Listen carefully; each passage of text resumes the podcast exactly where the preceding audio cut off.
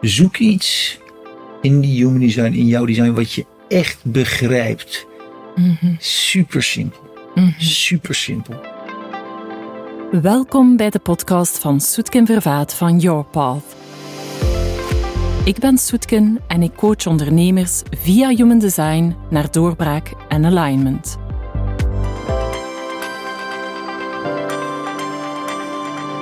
Welkom bij deze podcast. Ik heb vandaag Govert Anschutz bij mij in de studio. Het is de eerste keer dat ik iemand uh, bij mij uitnodig. Uh, welkom, Govert. Dankjewel. Um, Govert en ik hebben op eenzelfde uh moment Human Design leren kennen en dat heeft ons beider leven heel erg veranderd. En ik vond het interessant om Govert vandaag uit te nodigen om vandaag eens te kijken van hey, um, terugkijkend, welke dingen heeft Human Design voor jou in je werk en, en ondernemerschap uh, veranderd? Omdat dat zeer inspirerend kan zijn voor, voor andere mensen uh, die bezig zijn met Human Design of die Human Design net leren kennen, of die heel benieuwd zijn naar het voor en na. Hè. En we zijn acht jaar na Human Design leren kennen, dus dat is best een, een lange periode. Mm -hmm. Dus um, leek het mij leuk om, om hierover uit te wisselen. Um, misschien tof om te beginnen met de technische dingen. Wat is jouw type, autoriteit en profiel? Wil je daar iets over vertellen? Ja, daar wil ik wel iets over vertellen. Ik ben een manifesting generator. Mijn autoriteit is solarplex, oftewel emotioneel. Dus ik ben traag en ik ben een 6-2. En als ik het goed begrepen heb, was dat ook de reden dat jij uh, met mij wilde spreken. Ja. Onder andere. Ja, dat is zeker een van de redenen. Hè. Um, Hovert is een 6-2 en is eigenlijk net overgestoken naar zijn laatste, naar zijn laatste fase. Voor de, voor de luisteraars die niet goed mee zijn met dat, zal ik heel eventjes uitleggen. Als je een 6-profiel bent, dan heb je eigenlijk drie fases in je leven. En de eerste fase is zo ongeveer tot je 28 à 35 jaar. En daar zegt de kosmos, amuseer u maar, probeer wat dingen uit, niet te selectief zijn. Ik denk dat, dat Hovert daar ook wel verhalen over kan vertellen, over die eerste fase misschien. Hè. Misschien, misschien. Misschien. En de tweede fase is, uh, dan krijg je eigenlijk de tijd om op het dak te gaan zitten, de dingen te verteren. En dan begint eigenlijk het selectiemechanisme voor het eerst. Hè. De eerste fase heeft eigenlijk geen selectiemechanisme. In de tweede fase begin je meer uh, te bewegen naar stabiliteit, solidere keuzes. Hè. En dan in je laatste fase, vanaf je 50, um, komt eigenlijk het, het woord rolmodel pas aan, aan bod. En dan gaat het over wie wil jij zijn of kan jij zijn in de wereld vanuit alle wijsheid die je hebt opgedaan en, en de leercurve van het uitproberen en het falen. Mm -hmm. En de onbewuste keuzes die nu bewuste, authentiekere keuzes worden. Mm -hmm. Wil je daarover iets zeggen, Govert, over dat zes zijn? Hè? Ik heb zelf geen enkele zesde lijn, dus voor mij is dat echt een, een thema dat mij uitermate boeit, maar dat ik zelf nooit ga kunnen beleven. Mm -hmm. Ja, ik wil daar wel wat over zeggen, al weet ik niet zo goed of ik er veel over te, zeggen heb. Jij bent degene die mij daar vaak op wijst. Je zegt dat is echt een zes-uitspraak. Mhm. En langzamerhand begin ik dat een beetje te herkennen. Misschien is dat wel bijna kenmerkend voor, uh, voor de weg die ik de afgelopen jaren gegaan ben. Dat ik eigenlijk pas sinds een jaar misschien het gevoel heb dat ik een heel klein beetje mezelf begin te leren kennen. Mm -hmm. En dat daar dus inderdaad dat zes zijn, dat dat daar een belangrijke, een belangrijke rol in speelt natuurlijk. Mm -hmm. He, dat, je wat, dat je wat afstand hebt van de dingen, wat overzicht hebt over de dingen ietsje meer objectiviteit soms. Mm -hmm, mm -hmm, mm -hmm. Want als je, als je terugkijkt naar je eerste fase van je leven, hè, zo tot, tot je 30, 35. Mhm. Als je kijkt door de bril van human design, hè, waarbij dat ik zeg van de kosmos geeft je alle kansen, je, moet eigenlijk, je kan eigenlijk geen foute keuzes maken. Als je terugkijkt op, kijkt op die fase, welke keuzes heb je beroepsmatig gemaakt of, of zijn gemaakt geweest voor jou? En, en hoe anders is dat nu? Kan je daar iets, iets over vertellen? Hmm. Ik zou zeggen dat ik wellicht van, vanuit, kijkend vanuit nu, zeg ik, ik maakte geen keuzes. Mhm. Mm -hmm. Dus het leven ging zoals het ging. Dat klinkt beter dan het is. Mm -hmm, mm -hmm, Eh, dus er waren gewoon dingen en die ging ik dan doen. Snap je? Iemand komt ergens mee, dan ga je dat oplossen. Er is een probleem, je lost het op. Er, er komt een vraag. Nou, laten we dit er maar mee doen. Alles wat ik daarin deed en misschien ook wel alle keuzes die ik maakte op gebied van studie, van, uh, van werk. Dat was gewoon, ja, dat was er op dat moment. Mhm. Dus dat ging ik dan maar doen. Want er was, er bood zich niks beters aan. Mhm, mhm. Er zijn ongetwijfeld momenten geweest die anders waren. Maar terugkijkend is dat wel hoe ik het zie. Mhm. En pas op, dat functioneerde ook wel voor mij. Zeker die eerste 30 jaar. Ik vond het wel prima, eigenlijk. Want gewoon eh, voor de luisteraar, heel kort. Je kwam uit de middelbare school, Aha. dan moest je een, een keuze maken voor een studie. Hoe, hoe is dat in, in zijn werk gegaan? Om, om zo heel kort te schetsen. Oh ja, eh, middelbare school, Steiner school. Dus een vrije school voor de Nederlanders. Ik was, ik was, ik was eh, even nadenken, twintig denk ik toen ik klaar was met mijn eindexamen. Dus ik was natuurlijk al een stuk ouder dan, dan de Ja. meeste mensen. Wat trouwens ook typisch is voor een zesprofiel. Hè? Je hoort dat vaak, hè? dat mensen wat langer doen over hun studie. En zes krijgt eigenlijk heel veel tijd om, om Ja. volwassen te worden. Hè? Dus Ja, dat is ja. een mooi voorbeeld. Ja. Ja. Toen wilde ik eigenlijk, ik wilde net zoals heel veel van mijn klasgenoten, hè, in, in Steiner school was het heel gewoon om daarna een jaar eruit te gaan, te gaan reizen, te gaan werken. Hè, om even adem te halen en dan aan je Ja. studie te beginnen.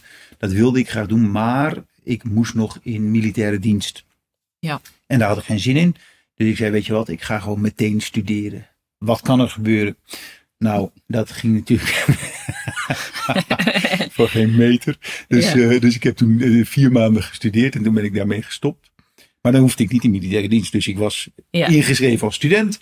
Eh, toen ben ik gaan werken als taxichauffeur. En toen heb ik, ben ik een paar maanden naar Nieuw-Zeeland geweest. En toen was ik wel klaar om te gaan studeren op mijn 21ste. En toen ben ik Nederlandse taalletterkunde gaan studeren in Amsterdam. Ja. En was dat een keuze die voor jou klopte, als je daarop terugkijkt? Ja, nou ja.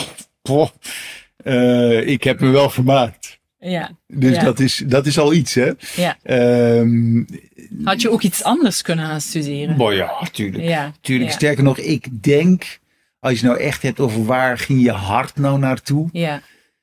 Hè, hè, als, je, als, je bijna, ik zei, ik, als je fysiek kijkt bijna, dan, Mhm. dan was ik. Dan hield ik van techniek en dingen doen. Mhm, mhm. Ik ging Nederlands taal en letterkunde studeren.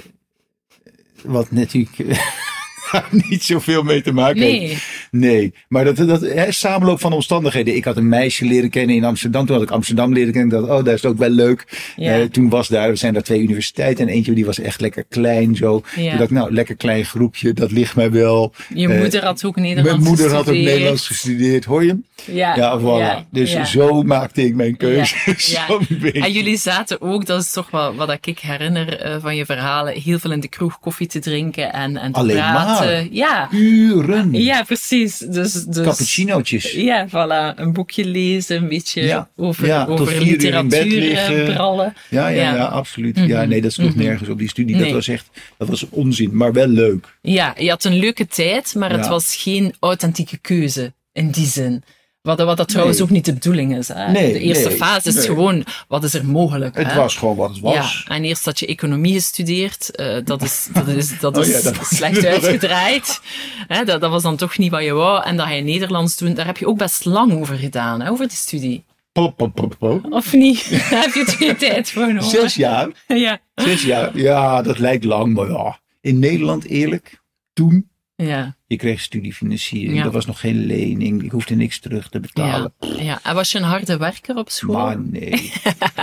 Zo min mogelijk. Oké, oké. Zo min mogelijk. Ik denk dat veel zesprofielen eh zich hierin zullen herkennen. Hè? Het, eh, het, het, het, het laissez-faire, laissez-passer, het moeiteloze, wat ook bij de twee hoort trouwens. Hè? Want je bent niet enkel een zes, je bent ook een, een, een twee, Mm. eh, een twee profiel. Dus het kwam natuurlijk, zullen we het zo zeggen. Het ging je wel af, om het op zijn Vlaams te zeggen. Ja, echt. Als, als het echt hard werken werd, dan...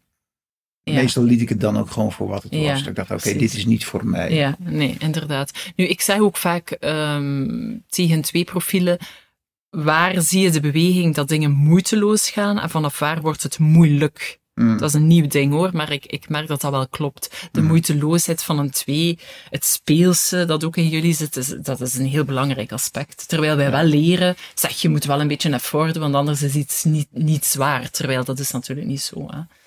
Oké, dus dan heb je Nederlands gestudeerd, maar dat was je nog niet klaar. Want het, het, een leuk technisch detail ook. Govert heeft heel veel eerste lijnen in zijn design. Wat is typisch voor een één. En één is een student. En, en dat ga je ook wel horen in zijn verhaal. Je hebt heel veel dingen onderzocht, gelezen, bestudeerd en veel opleidingen gedaan uiteindelijk. Hè? Ja. Want dan ben je ook nog naar de, de toneelschool gegaan. In welke fase zitten we dan? Is dat tweede fase al of, of einde eerste fase? Ja, dat is zo in de overgangsperiode. Je zou, het, je zou het einde eerste fase kunnen noemen. Misschien is het al tweede fase. Ik weet het Mhm. niet. Ik weet het niet helemaal zeker. Tussendoor ben ik ook nog, heb ik me laten omscholen tot ICT'er. Mhm, Hè, Ik mhm. werd Microsoft Certified Systems Engineer. Schitterend. ja, maar ja, die twee kanten die zaten er in mij. Ja, En dat deed ik zeer graag. Ja. Ik vond het heel tof om, eh, om eh, computerbeheer te doen. Gek genoeg. Vind ik nog steeds heel leuk. ja, ja. Dus dat was, dat was ook gek. Maar toen.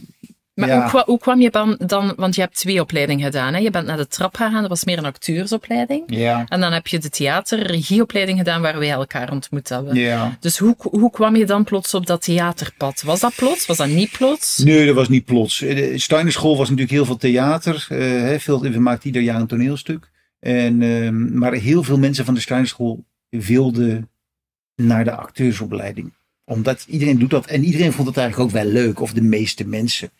En ik dacht, ik was een beetje klaar met al dat zachte Steiner gedoe. Dus ik dacht, ik ga gewoon geld verdienen. Daarom ging ik economie studeren. Ik dacht, ik ga gewoon heel rijk worden. Nou, dat is niet, niet zo goed gelukt. Ehm, maar dat was eigenlijk mijn, mijn, me afzetten tegen die Steinerschool. Maar nadat ik wat gewerkt had ehm, eh, bij de KLM als, als, als, eh, als netwerkbeheerder en, en daarnaast ook nog, nog wat andere dingen.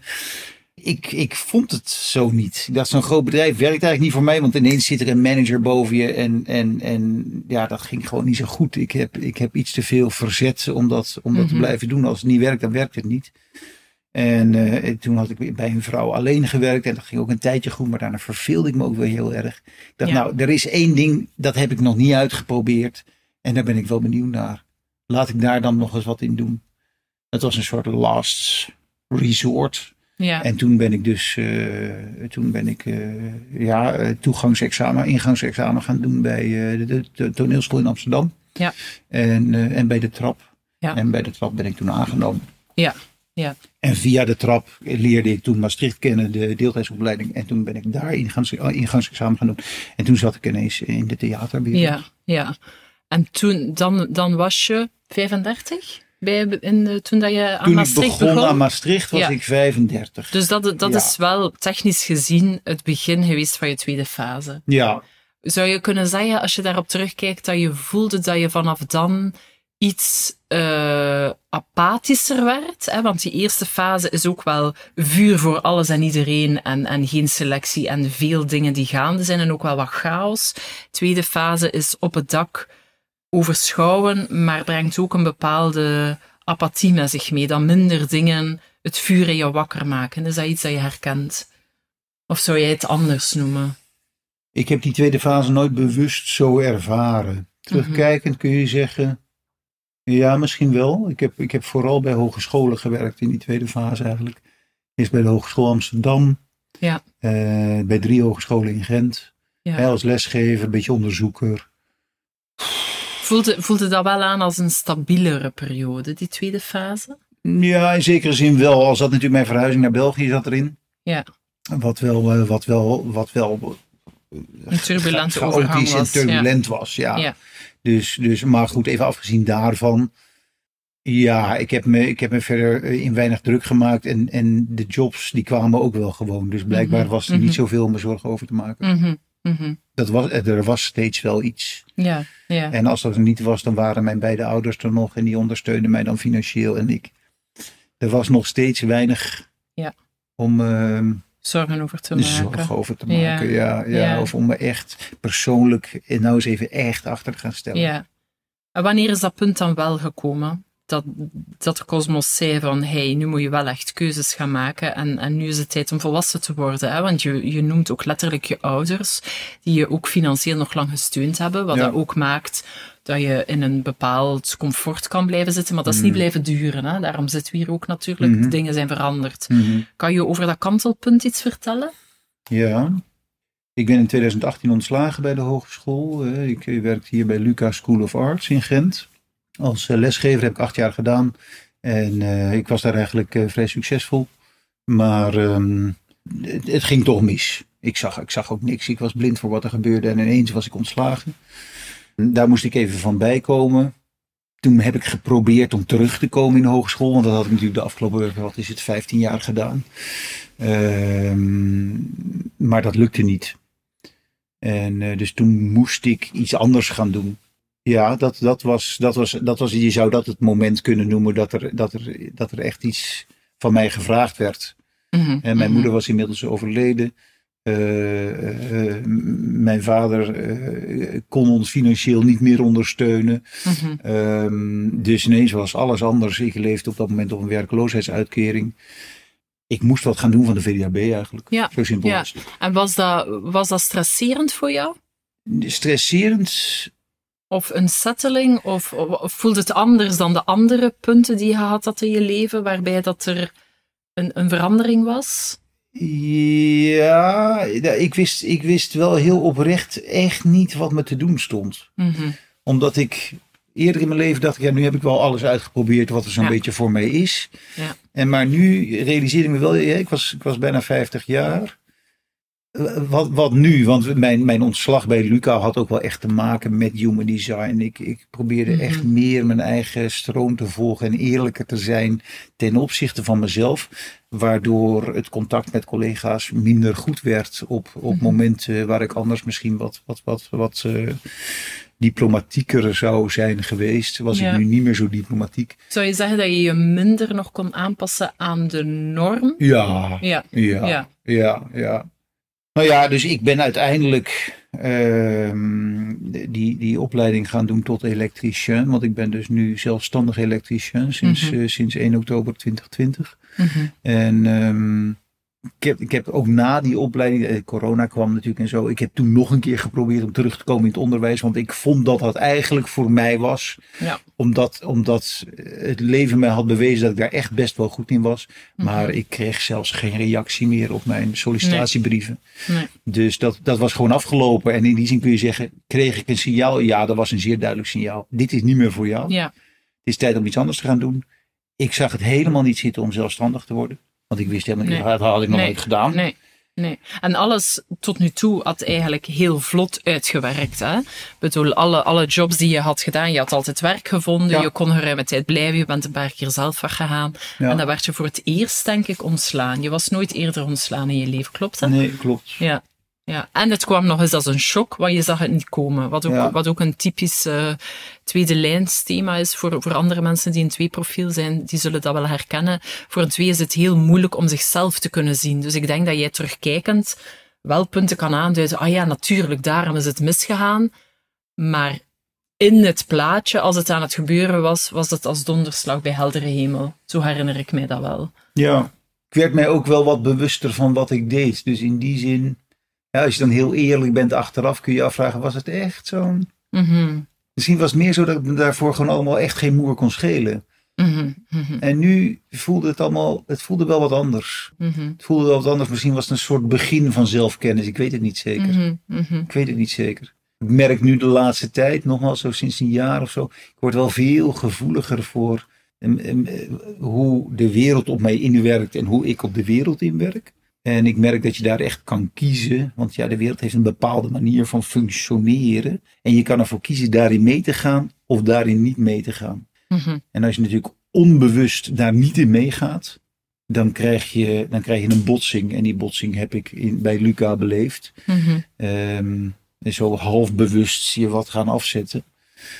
Dus ja, het was helemaal anders. Het was Mhm. helemaal anders. Mhm. En ik moest, ik moest toen wat gaan doen. En toen heeft eigenlijk weer de VDAB gezegd: ga nou probeer die zelfstandigheid gewoon uit. Hier Ja. heb je deze regeling, hè, de springplankregeling. Ja, Eh, en dan kun je zelfstandig in bijberoep worden, rustig een jaartje uitproberen. ja. nou, dat voelde safe. Dat is misschien een, een mooi voorbeeld ook van response. Want vaak denken mensen van ja, maar als ik zit te wachten in de zetel, gaat er niks gebeuren. Hmm. En dit is eigenlijk een mooi voorbeeld. Hè. De school kiest voor jou.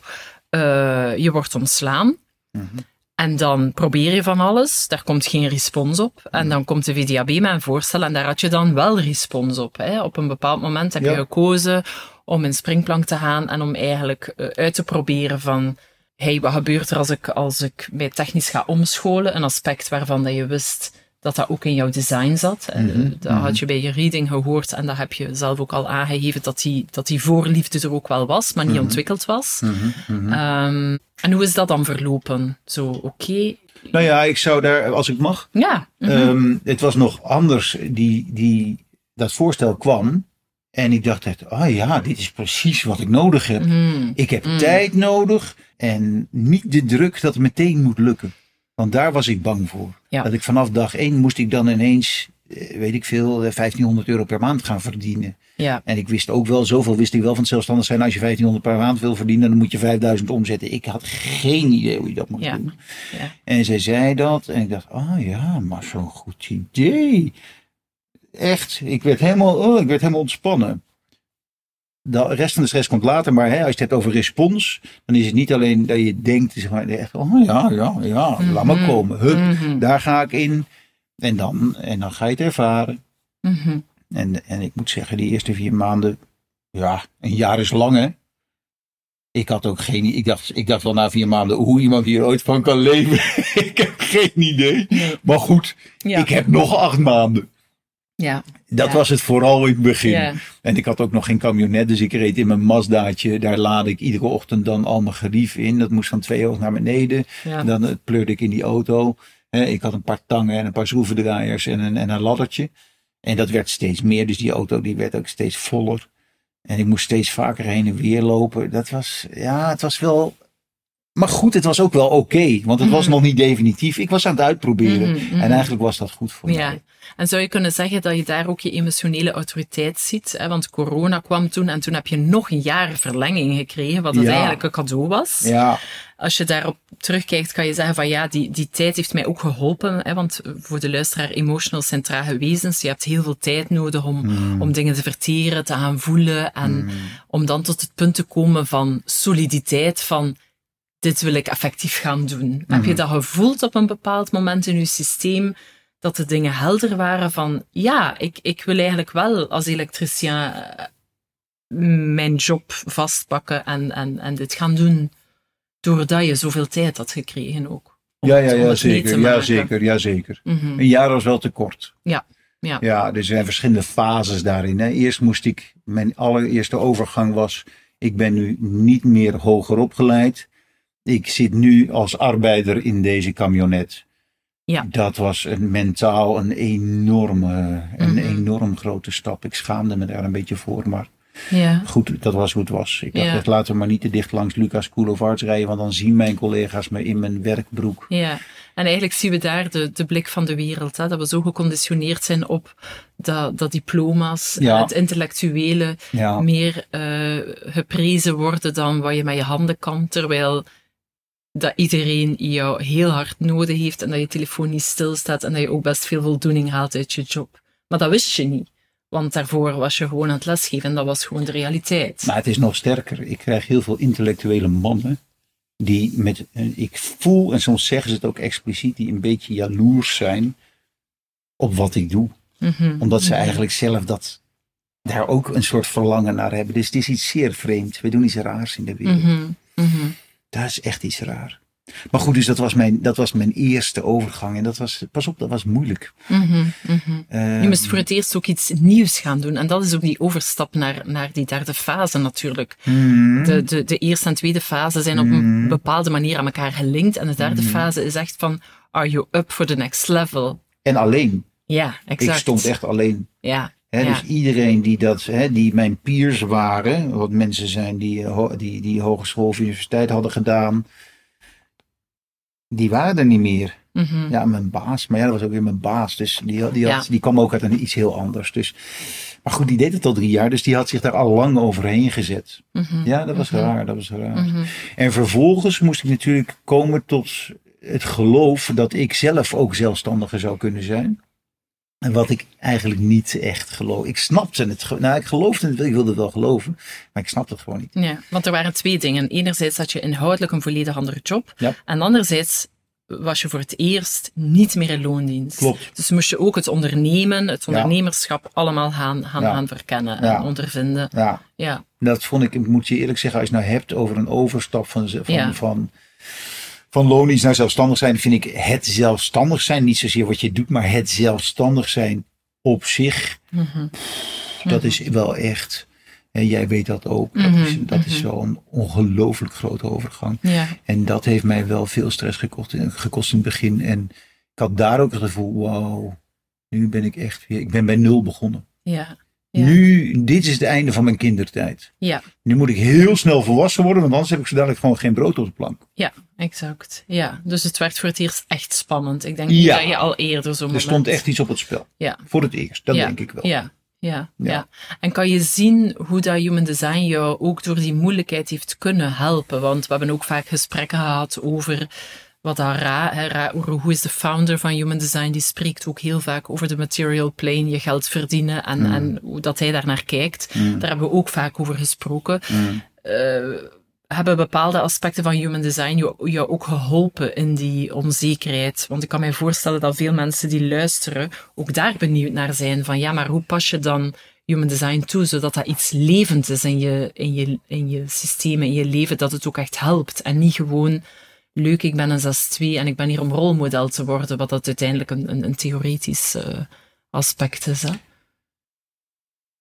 Dat is een, in mijn ervaring een soort doorgaande uitdaging en oefening. Mhm. Dus Ra zegt, enerzijds, we, we are not here to worry about the rent. Mhm. Dus je zorgen maken over of je het gaat redden in de wereld, dat hoeven wij niet te doen. Wat wij moeten doen als nine-centered beings, dat is je strategie en autoriteit volgen. Mhm. En dan komt het wel goed. Alleen jij weet niet hoe. Mhm. Dus dat is één. Dat vertrouwen, maar dat vertrouwen heb je natuurlijk niet. Op het moment dat je je zorgen maakt, heb je dat vertrouwen niet. Nee. Dus wat, wat het voor mij gedaan heeft, is dat ik veel naar Ra luisterde. Hè. Jij weet altijd als ik in mijn camionet zit, dan, dan spreekt Ra tot mij over de, over de Bluetooth. Ehm, eh, eh, dat horen en horen en eh, zeggen, oké, nu, nu dit is het moment om dat te oefenen. Enerzijds, hè, op momenten dat ik dat moeilijk vind. Ehm, er was een anderzijds die ik nu natuurlijk vergeten ben. Ja, dat is dat het, een, dat het een soort doorgaande oefening is om te weten dat die mind die weet niet wat er aan de hand is. Die snapt niet wat het pad is. En die maakt totaal verkeerde berekeningen. En die zegt, "Ah, je hebt tot drie dagen geen telefoontje van nieuwe klant gehad. Ga je het wel redden? Mhm. Mhm. Mhm. Waanzin. Mhm. Waanzin. maar op het moment dat je je even niet zo lekker voelt, dan zou je daar zomaar in mee kunnen gaan. En dan ga je je zorgen maken. En dan denk je, hmm, moet ik misschien eerst gaan adverteren? Of moet ik dan toch ingaan op die die mij te ging rotklus, betalen? ja, die kutklus, ik- ja, enzovoort. Ja, ja, ja, ja. ja. Ja, ja, want de mind is altijd gewired op angst. Hè? Dus Ja. het moment dat we uit ons eigen systeem stappen, Ja. bij jou is dat het moment dat je je te veel zou gaan haasten. Of, of de druk, hè? want emoties geven niet alleen ehm, een bepaalde chemie die op en neer gaat, maar geven ook stress. Hè? Eh, vaak zeggen emotionals, ik ben zo nerveus vandaag. En dat is ook, dat is ook deel van emotional zijn. En als je daar dan probeert over te springen, vanuit je mind die zegt, ga nu dit even snel zo doen, dan is het opgelost. Hmm. Dan ben je sowieso de draad kwijt. Ja. En, maar ook dat moet je dus, ik heb dat moeten ontdekken. Dus iedere keer als ik stress voel of druk, of ik denk, ik red het niet meer, eh, moet ik een inspanning doen om ruimte en overzicht te creëren. Ja. Dus dan ga ik een to-do-lijstje maken. Hè, Mhm. Wat Raals een zeer praktische tip geeft voor MG's. Ja. Maak gewoon maak lijstjes, want je gaat dingen vergeten, dingen overslaan. Ja. Dus dan maak ik een to-do-lijst. Dan zie ik, holy Moses, ik wil helemaal geen nieuwe klanten. Dit is, Mhm. oké. Maar ja, dat helpt al. Mhm. Dan denk ik, oké, ik ga eens beginnen met deze, want die zit de hele dag in mijn hoofd dat ik die eigenlijk nog zou moeten bellen, maar ik ben er al drie dagen niet toegekomen enzovoort. Ja. En dan ga ik dat gewoon doen. Ja, dit is En- eigenlijk, mag, ik- mag ik Ja. erop ingaan? Want dit is eigenlijk een, een mooi voorbeeld ook voor de luisteraar. Als je een generator bent, of een manifesting generator, en je schrijft op een lijst alle dingen die moeten gebeuren, en dan ga je daarbij staan en ga je eens voelen waar je energie naar uitgaat. Hmm. En dat is zeer helpend. Dat, dat is eigenlijk wat ik je hoor vertellen. Hmm. Ehm, terwijl dat we met de mind ons vaak pushen, dit moet, moet je eerst gaan doen, want dat is slim. Maar als je Hmm. energie daar niet aan gekoppeld is, dan ben je ook weer je leven aan het leiden vanuit je hoofd. Hmm, hmm. Eh, en het andere wat dat Hovert zegt, is het overzicht. En dat is een typisch aspect dat bij een, een zesprofiel eh zeer belangrijk is. Namelijk stap naar achter, zodat je het geheel weer kan zien. Want dat is de kracht ook van de zes. Als je zes profielen in je omgeving hebt en je bent zelf even de draad kwijt, bel, bel een zes, want die kan jou helpen kijken terug naar het, naar het grotere plaatje. hè. En voor mijzelf merk ik ook wel, hè, dat, dat gaat natuurlijk heen en weer. Hè. Soms zit je er dichtop, soms ben je er te ver vandaan. Mm. Er zijn ook klussen, daar zie ik erg tegenop. Ik heb de afrondingspoort, de ontwikkelpoort, maar niet de beginpoort. Mhm. Dan denk ik, oh, oh, dat moet ik nog doen. En dat denk ik een week lang. Dat neemt heel veel energie. Mhm. Ik heb geleerd, als ik zeg, oké, gehoord, stop de onzin. Nu ga je zitten en nu ga je doen. En dan ga je weten wat het eigenlijk is. Want ik weet heel vaak niet precies. Mhm. Zeker als ik daar zo tegenop zie, dan is het wat onoverzichtelijk. Ja. En wat mij dan helpt, is om te gaan zitten en het te gaan doen. En dan merk ik, oh, in een uur ben ik al bijna klaar ermee. Heb ik nu een week lang ben ik bezig geweest met me hierover zorgen te maken.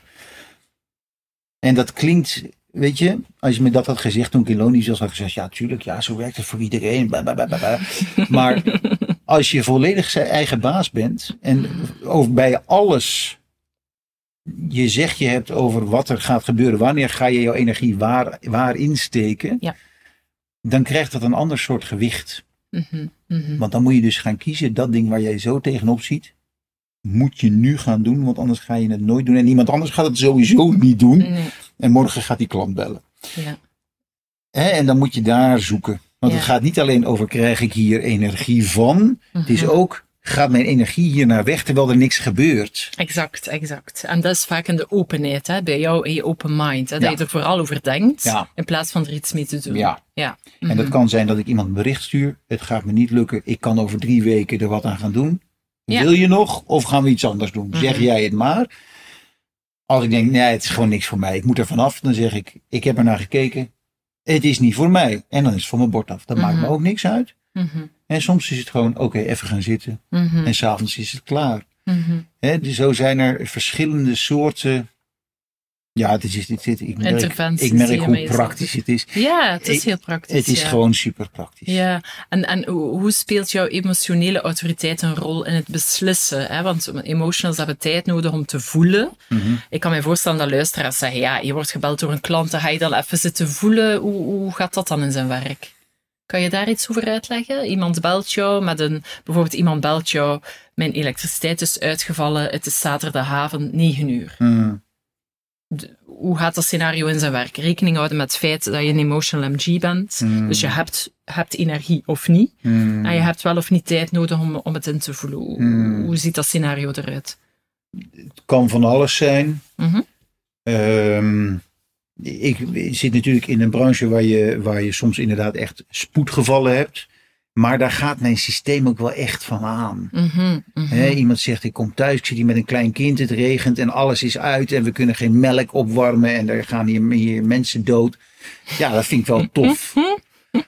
Dat wil ik graag oplossen. Als je begrijpt wat ik bedoel. Ja, en dat is, daar wil ik even op aansluiten. Wat je ook altijd gaat zien in iemand zijn systeem is, ja, bepaalde dingen waar dat je op gaat responden of niet. En dat is ook verschillend per persoon. En Govert heeft het kanaal van Sensitivity in 1949. Hè, er zullen nog luisteraars uh, dat hebben. En dat gaat over het, het zorgen, het verzorgen en het ingaan op de noden van de tribe, van de mensen die rondom hem zijn. Dus, Mm. dus dit is een heel mooi voorbeeld daarvan. Mm. Omdat je ook een kind aanhaalt, Mm. bijvoorbeeld, dat, dat net dit scenario, dat je daarop respons, is natuurlijk geen toeval. Nee, hè? nee, voilà. Ja. Maar er was laatst iemand en ik merkte, ah ja, daar heb ik, geen, ik heb daar ook geen verweer tegen. Ik moet daar wat aan doen. Ja, ja. En Ja. eh, sterker nog, dat kost me dus op dat moment ook helemaal geen energie. Ik geloof dat ik daar zondagochtend heen gegaan ben of Ja. zo. En, eh, Dus je hebt ook geen regels zoals het is weekend en ik wil niet gestoord worden. Je checkt echt, gaat mijn energie omhoog of niet? ja. Want je hebt ook momenten dat iemand jou belt in het weekend, eh, dat heb je mezelf verteld, en dat je zei van, nou, ik, ik weet het even niet, bel me morgen terug. Ja, dat klopt, ja. Ja, ja, het was, eh, ja dat was inderdaad wat een paar dagen geleden. Iemand die zei, ja, hier, het licht in mijn douche werkt niet meer. Wat kost het om jou langs te laten komen? En ik had net keihard gewerkt. en, en ik, ik, had ook net, ik had net naar Tony Robbins geluisterd over hè, hè, wie ben jij ten opzichte van Ja. de wereld en je stellen en de roar van de leeuw. Zo. En ik dacht, nee, ik zit net. Ja, Dit is niet het moment en het licht in je douche. Ik heb het al erger meegemaakt. ik denk dat jij het wel gaat redden. ja, ja, Dus ik zei, vanavond niet meer. Misschien morgen. Je mag me morgen bellen als je nog niemand anders gevonden hebt. ja, ja, Dat was heel ontspannend. Oh, Ja. oh. ja. Dus dat, dat is ook een scenario. Dat doe ik ook wel eens bij mensen. Bel me morgen terug. Als, het, als er nog steeds een probleem is, dan kunnen we het erover hebben. En sommige mensen doen dat, anderen doen het niet. Mhm. Ja. Ik vind het allebei prima. Ja. Ehm, En, en- bij, en bij grotere klussen, Ja. hoe, hoe gaat dat dan? Hè? Want, da- want daar speelt je emotionele Mm, autoriteit mm. een grotere rol, denk Mm, ik. Hè? Als iemand zegt mm. van ik heb hier een volledig huis mm, dat verbouwd moet worden, mm, dan moet je een offerte maken. Je weet dat Mm. dat een heel groot eh, impact hebben op je agenda. mm, Dat er ook wat druk gaat komen rond, kan ik het allemaal alleen? mhm. Hoe ga je dan door zo'n proces? Eh, Ja. Ik merk, ik, ik, ik neem daar ontzettend veel tijd voor. Dus als iemand dat vanaf nu moet hebben, wat dezelfde zo is, dan kan het niet sowieso. mhm. Eh, dus dus mijn, mijn eerste stap is natuurlijk technisch wil ik weten wat is er nodig. Als dat te groot is, doe ik het niet. Ja, Eh, als het niet te groot is en ik denk, nou, ik ben wel benieuwd. Dan ga ik kennis maken met de mensen, ga ik het huis bekijken. Als ik, als ik, af, als ik afhaak op het huis, om welke reden dan ook. Omdat het vuil is, omdat het plan onduidelijk is, omdat ik niet zie hoe ik mijn kabels van A naar B kan krijgen, omdat ik het te Ja. moeilijk vind. Omdat, of, hè, dus dat, dan, dat kan een nee zijn. De mensen zelf zijn soms ook een probleem. mhm, mhm. Ik ontmoet iemand en ik, En je haakt af. En ik haak af, ik haakt weet het niet. Ja, of je hebt geen goede connectie. nee, nee. Ja. Ja. dan, eh, dan kan dat ook een reden zijn. Ja. Soms is het allemaal op zich prima, of ik voel geen weerstand. Ik denk, ja, het zou kunnen. En dan zeg ik, oké, ik ga er even over nadenken, want ik heb tijd nodig. Ja. Het wordt in de loop van de tijd wordt het bij mij duidelijk of dit iets voor mij is of niet. Ik weet het nog niet. Mhm, Eh, dus ik ga, ik ga binnen een week of twee ga iets van mij horen. mhm. En dan is het natuurlijk de normale procedure dat ik een offerte ga maken. En ik weet, het maken van een offerte kost mij energie. Mhm, Dus kom ik tot het maken of- van de offerte of niet? Als ik niet kom tot het maken van de offerte, is dat voor mij een signaal. Ah. Mhm, Blijkbaar zie je het gewoon niet zitten om Mhm. hier überhaupt energie in te steken. mhm, En dan wordt dat op die manier duidelijk. mhm. Soms kan het zijn, hè, wat ik je net vertelde. Ik vind het moeilijk. En dat is de reden dat ik, dat ik niet, ik ben er een beetje bang daarvoor. Ja. Of ik Ja. zie er tegenop. En dat is geen energiekwestie. Dat is geen energiekwestie, dat is meer een dus mentaal ook, dingetje. Ja, dat is ook een belangrijke die ik dan wil aanhalen. Human design mag je nooit gebruiken als excuus. Hè. Het is heel belangrijk dat je voor jezelf heel precies bent in ben ik nu mijn tijd aan, nemen, aan het nemen, bijvoorbeeld om helder te worden of ik deze klus wil doen. Mhm. Of ben ik de klus aan het vermijden omdat ik eigenlijk gewoon bang ben dat ik hem niet kan. Wat dat, wat dat in de openheid en in de mind zich afspeelt, hè, in jouw geval. Ja. Dus, dus dat is wel een, een belangrijk verschil. Want Ja. ik kan me voorstellen dat de luisteraar denkt: oh ja, die doet maar wat en die doet maar zijn goesting. Hmm. Maar het is eigenlijk het minutieus eh, tracken van jezelf, zodat je heel goed weet wat je op welk moment aan het doen bent en daar ook over communiceren. Ja. En dat was mijn volgende vraag. Als je zegt tegen klanten van ik ga het niet doen, of ik heb wat tijd nodig, wat is de feedback van de wereld daarop? Heb je al rare reacties daarop gehad, bijvoorbeeld? Want veel, de reden dat ik die vraag stel, is veel mensen denken, ja zeg, als ik vanuit mijn design ga leven, dat is allemaal leuk en aardig in het weekend en in mijn vrije tijd, maar in mijn beroep kan ik dat niet doen, want dan ga ik rare reacties krijgen. Nee, helemaal niet. Nee, het is grappig. Mensen accepteren Ik merk, en dat was wel, dat was wel verrassend. Ik merkte dat als je de taal van human design gebruikt zonder dat mensen weten Mhm. wat human design Mhm. is. Hè, ik ken natuurlijk mijn design inmiddels redelijk goed. En als ik die taal gebruik om te zeggen dat ik het niet ga doen. Mensen begrijpen dat volledig. Soms vinden ze het heel jammer. Ik zeg, ah, wat heel erg hoop dat jij het Mhm. zou doen. Maar. Hè, dus ik zeg dingen als, ik heb een beperkte hoeveelheid energie die ik op de juiste manier moet investeren. Ik heb niet voldoende energie om jullie klussen aan te pakken. Ja. Ik wens je heel veel succes met het vinden van iemand. Ja. Ja. Er, er gaat absoluut iemand zijn. Of, hè, ik heb er mijn tijd voor genomen, maar ik merk dat ik er niet toe kom. Het is blijkbaar niet een klus voor mij. Ehm, ik weet zeker dat het een prachtige klus is voor iemand anders. Ja. Maar eh, En heb je, heb je terugkijkend in het begin van je ondernemerschap wel een ja gezegd op dingen waarvan dat je eigenlijk wist dat je nee had moeten zeggen en hoe zijn die dan uitgedraaid? Want dat is natuurlijk ook een leuke, dat is ook een bijstelmechanisme. Dat merk ik bij mezelf ook. Hè. Je, je moet ook soms de mist ingaan om dan de volgende keer te zeggen, ja, dat doe ik niet meer, want ik voel nu al dat, daar, dat ik het eigenlijk niet wil doen, Dat of dat dat er spanning op zit, of dat we Ja, ja, of dat te ja, snel moet gaan. ja, hè? ja, ja, ja, ja. Ik denk dat ik dat nog steeds doe, eerlijk gezegd. Mhm, mhm. Ik denk dat ik nog steeds te veel zit op het. Ik vind het, want ik vind het wel gewoon tof om dingen op te lossen. Ja, ja. Dus ik denk dat ik nog te veel aanneem en te weinig. Te weinig ehm, ik, zou dat, ik zou dat eigenlijk extremer nog moeten doen. Ik Ja. denk dat ik een gezondere ondernemer ben.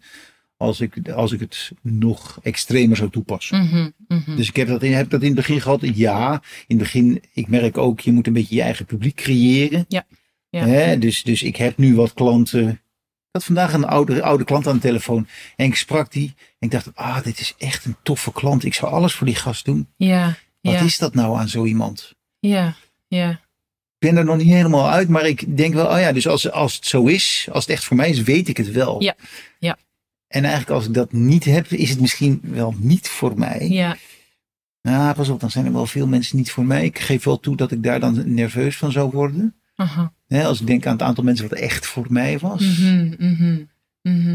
Soms zijn, die, ook- zijn die klussen dan moeiteloos? Als je meteen je ja voelt, Nee, bijvoorbeeld? nee, moeiteloos niet. Nee. Dat wil Nee. zeggen, de inspanning is wel altijd de inspanning. Ja, exact. en ik kan er ook ja, nog steeds keihard op vloeken. Ja, Maar eh, ik heb bijvoorbeeld geen stress over, oei, hoe gaan we dit afronden? Gaat hij wel Mhm. betalen? Gaat hij, al die stress is Ja. er niet. Ja, want dat is ook wel, wel iets belangrijk om te weten. Het is niet omdat je erop respond dat het een, een, een smooth ride wordt. Hè? Nee.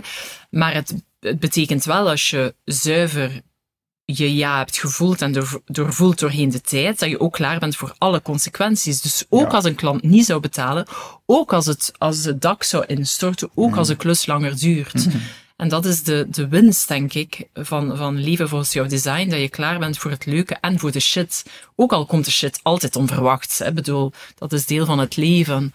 Uh, maar het geeft je wel wat meer, um, ja, steun in jezelf omdat je weet waarom dat je ja of Hmm. nee zegt. En dat niet gewoon random is. Nou ja, ja, ja, ja, ja, zeker, zeker. En soms is het zelfs nog, het is nog, het is zelfs nog wat. Ik weet niet of iedereen dat heeft, maar ik merk wel. Ik weet het wanneer ik een, bijvoorbeeld een financieel risico neem. Mm -hmm. Ik heb nu net een klant, een, een klus gedaan bij iemand. Ik heb, ik heb, ik heb alles in orde gezet. Hè. Ik ga die, ik ga die een, een factuur sturen. Ik heb nog niks van hem gezien. Alles is in orde. Dus als hij nu zelf een keurder belt. Zijn installatielakeuren wordt hij goedgekeurd. En ik heb geen geld van hem gekregen. En als hij dan voor kiest om mij niet te betalen. Ik denk dat hij dat niet gaat doen. Maar in principe heb ik niks ja. om tegen hem te gebruiken. Mm -hmm. Er staat, er staat niks op papier. Ik heb hier geen offerte gemaakt. Hij heeft gewoon gezegd: dit en dit moet gebeuren. Mm Mhm. -hmm. Ik zeg: Nou, dat kost je tussen, tussen de, de, de 2 en de 3000 euro. Hij zei: Oké, okay, ja, daar had ik op gerekend. Want Mhm, mm -hmm. dat, mm-hmm. nou, up, en er is niks. En ik wist, ik wist op het moment dat ik dat ging doen, ja. dat ik dat risico nam. Ja. En ik eh, heb me er ook bij neergelegd. Ja. Ik zeg: Oké, okay, dat kan ja. gebeuren. En zou je dan zeggen dat, dat, dat bewustzijn een key is in dat human design proces? Heel omdat erg. je ja, hè? omdat je in het begin ook veel minder bewuste keuzes maakt. Volledig. Dus dingen gebeuren. Ja. En dat je nu, ook als je een risico neemt, weet, ik ben dit risico aan het nemen. Koste wat het kost, Ja. eigenlijk. Ja. Ja. Ja. Ja. Ik heb echt wel dingen aangenomen van mensen die al moeilijk waren geweest. Ja. Dat ja, en toch, en toch wil ik het doen. Oké. Het gaat moeilijk worden, ja. En dan zit ik Ja. een half, half jaar lang achter mijn geld aan. Ehm, en ik, ik stop ook niet. Maar dat maakt ook Mhm. niet zoveel uit. Mhm. Dus die, die, die punten zijn nog steeds. En ik vraag me ook eigenlijk niet meer, zo goed, niet meer echt af waarom. Ik denk, oh ja, wil je dit doen? Ja, blijkbaar wel. Oké. Mhm. Dus zouden we daarmee het, het, ehm, het verhaaltje uit de wereld kunnen helpen dat, ehm, dat je wel kan ondernemen en werken vanuit je eigen flow en je, uit je, vanuit je eigen energie en vanuit je eigen respons?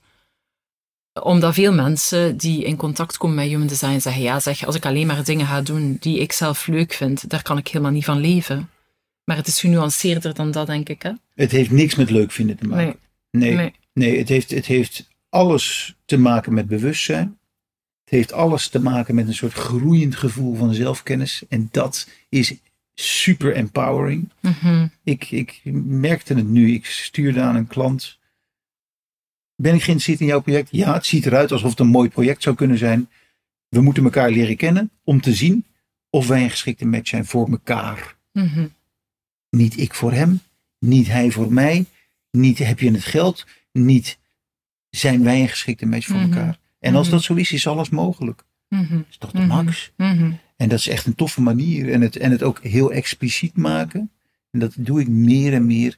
Ik zeg, het is voor mij super persoonlijk. Weet je waarom? Omdat het zo is. Mhm. En dat ik zie dat het voor iedereen super persoonlijk is. Mhm. Mhm. Alles wat je doet in je leven. Wat, wat tijd neemt, geld neemt, energie neemt. Ja. Of misschien je hele leven zou je zelfs wel kunnen zeggen. Is super persoonlijk. Waarom zouden wij doen alsof het alleen maar professioneel is? Dat bestaat helemaal niet. Nee. Alles is persoonlijk. En op het moment dat je dat aanspreekt, en ik vind het soms leuk om dat juist als elektricien aan te spreken, omdat mensen dat misschien wel helemaal niet verwachten van een elektricien. Ja. Maar Ja. ik denk, nou, misschien kan ik daar dan in, als je het hebt over het rolmodel, kan ik een Mhm. rolmodel zijn dat ik zeg, jij denkt dat dit een soort zakelijke overeenkomst is. Hè, we gaan een huis bouwen en ik zeg, nee, dit is een persoonlijke onderneming voor jou en voor mij. Mhm. En zo benader ik het. En ik wil Mhm. ook dat jij het zo benadert. Mhm. En dan gaan we misschien een goede match zijn voor Ja, elkaar. waarbij dat je eigenlijk bijdraagt aan mekaars leven. Hè? Want elk, elk uur van de dag dat jij energie aan iemand geeft, is een stuk van je leven dat je geeft. En dat vergeten we vaak. Hè? Absoluut. Ja. Absoluut. Misschien als eh, afrondende noot, je bent er niet op voorbereid, dus we gaan zien wat er komt. Maar is er zo één tip die je kan geven aan de luisteraar die zelf ook ondernemer is, of die misschien in loondienst ook probeert zijn eigen weg wat meer te vinden, Hmm. vanuit eh, human design, één, één ding dat voor, voor de luisteraar de game changer kan zijn. En het mag super simpel zijn. Ehm, het mag een technische tip zijn, een, een eigen inzicht. Ehm, iets dat je nog wil, een aanmoediging.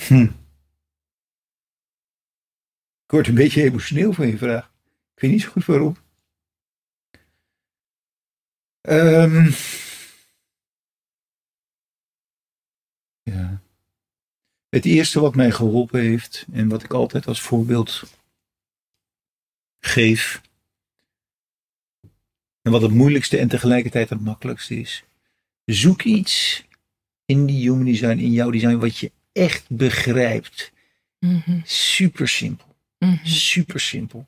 Dus ik weet, Soetkin, jij zegt vaak niet initiëren. Ra zegt dat vaak. mhm. Dat geldt voor mij ook. Ik ben een, ik ben we zijn een reactief wezen, maar dat, dat is nog niks wat je praktisch kan doen. Dus zoek iets heel praktisch. Mhm, Voor mij mhm. was dat, hè, ik ging altijd, ik ging een winkel in en ik zocht meteen, hier ben ik, ik heb je nodig. En dan gaan we lekker snel, want we willen Mhm, efficiënt zijn. mhm.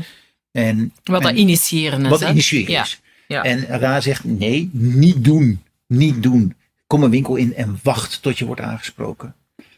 En de eerste keer dat ik gezien heb dat dat werkte, omdat ik bewust, omdat ik, omdat ik bewust gezien heb dat het werkte, was voor mij misschien het moment wat me echt naar de andere kant van de streep heeft gehaald. Mhm, Ik ging een pakketje afhalen in de Carrefour bij, bij eh, het station. Om zes uur 's avonds. Man, nou, een- zo'n marginale omgeving vol met halfdronken zwervers. Die daar rond die balie hangen. Hm. En ik stap binnen en ik dacht, oh god, dit gaat lang duren. En hij zei, ik ga, ik ga human design doen. Ik ga niks initiëren. Ik ging aan die balie staan volledig klaar om daar een half uur te staan. Het was raar. Ik sta er nog geen twee seconden, denk ik. En er stapt een meisje naar voren. Wat kan ik voor u doen?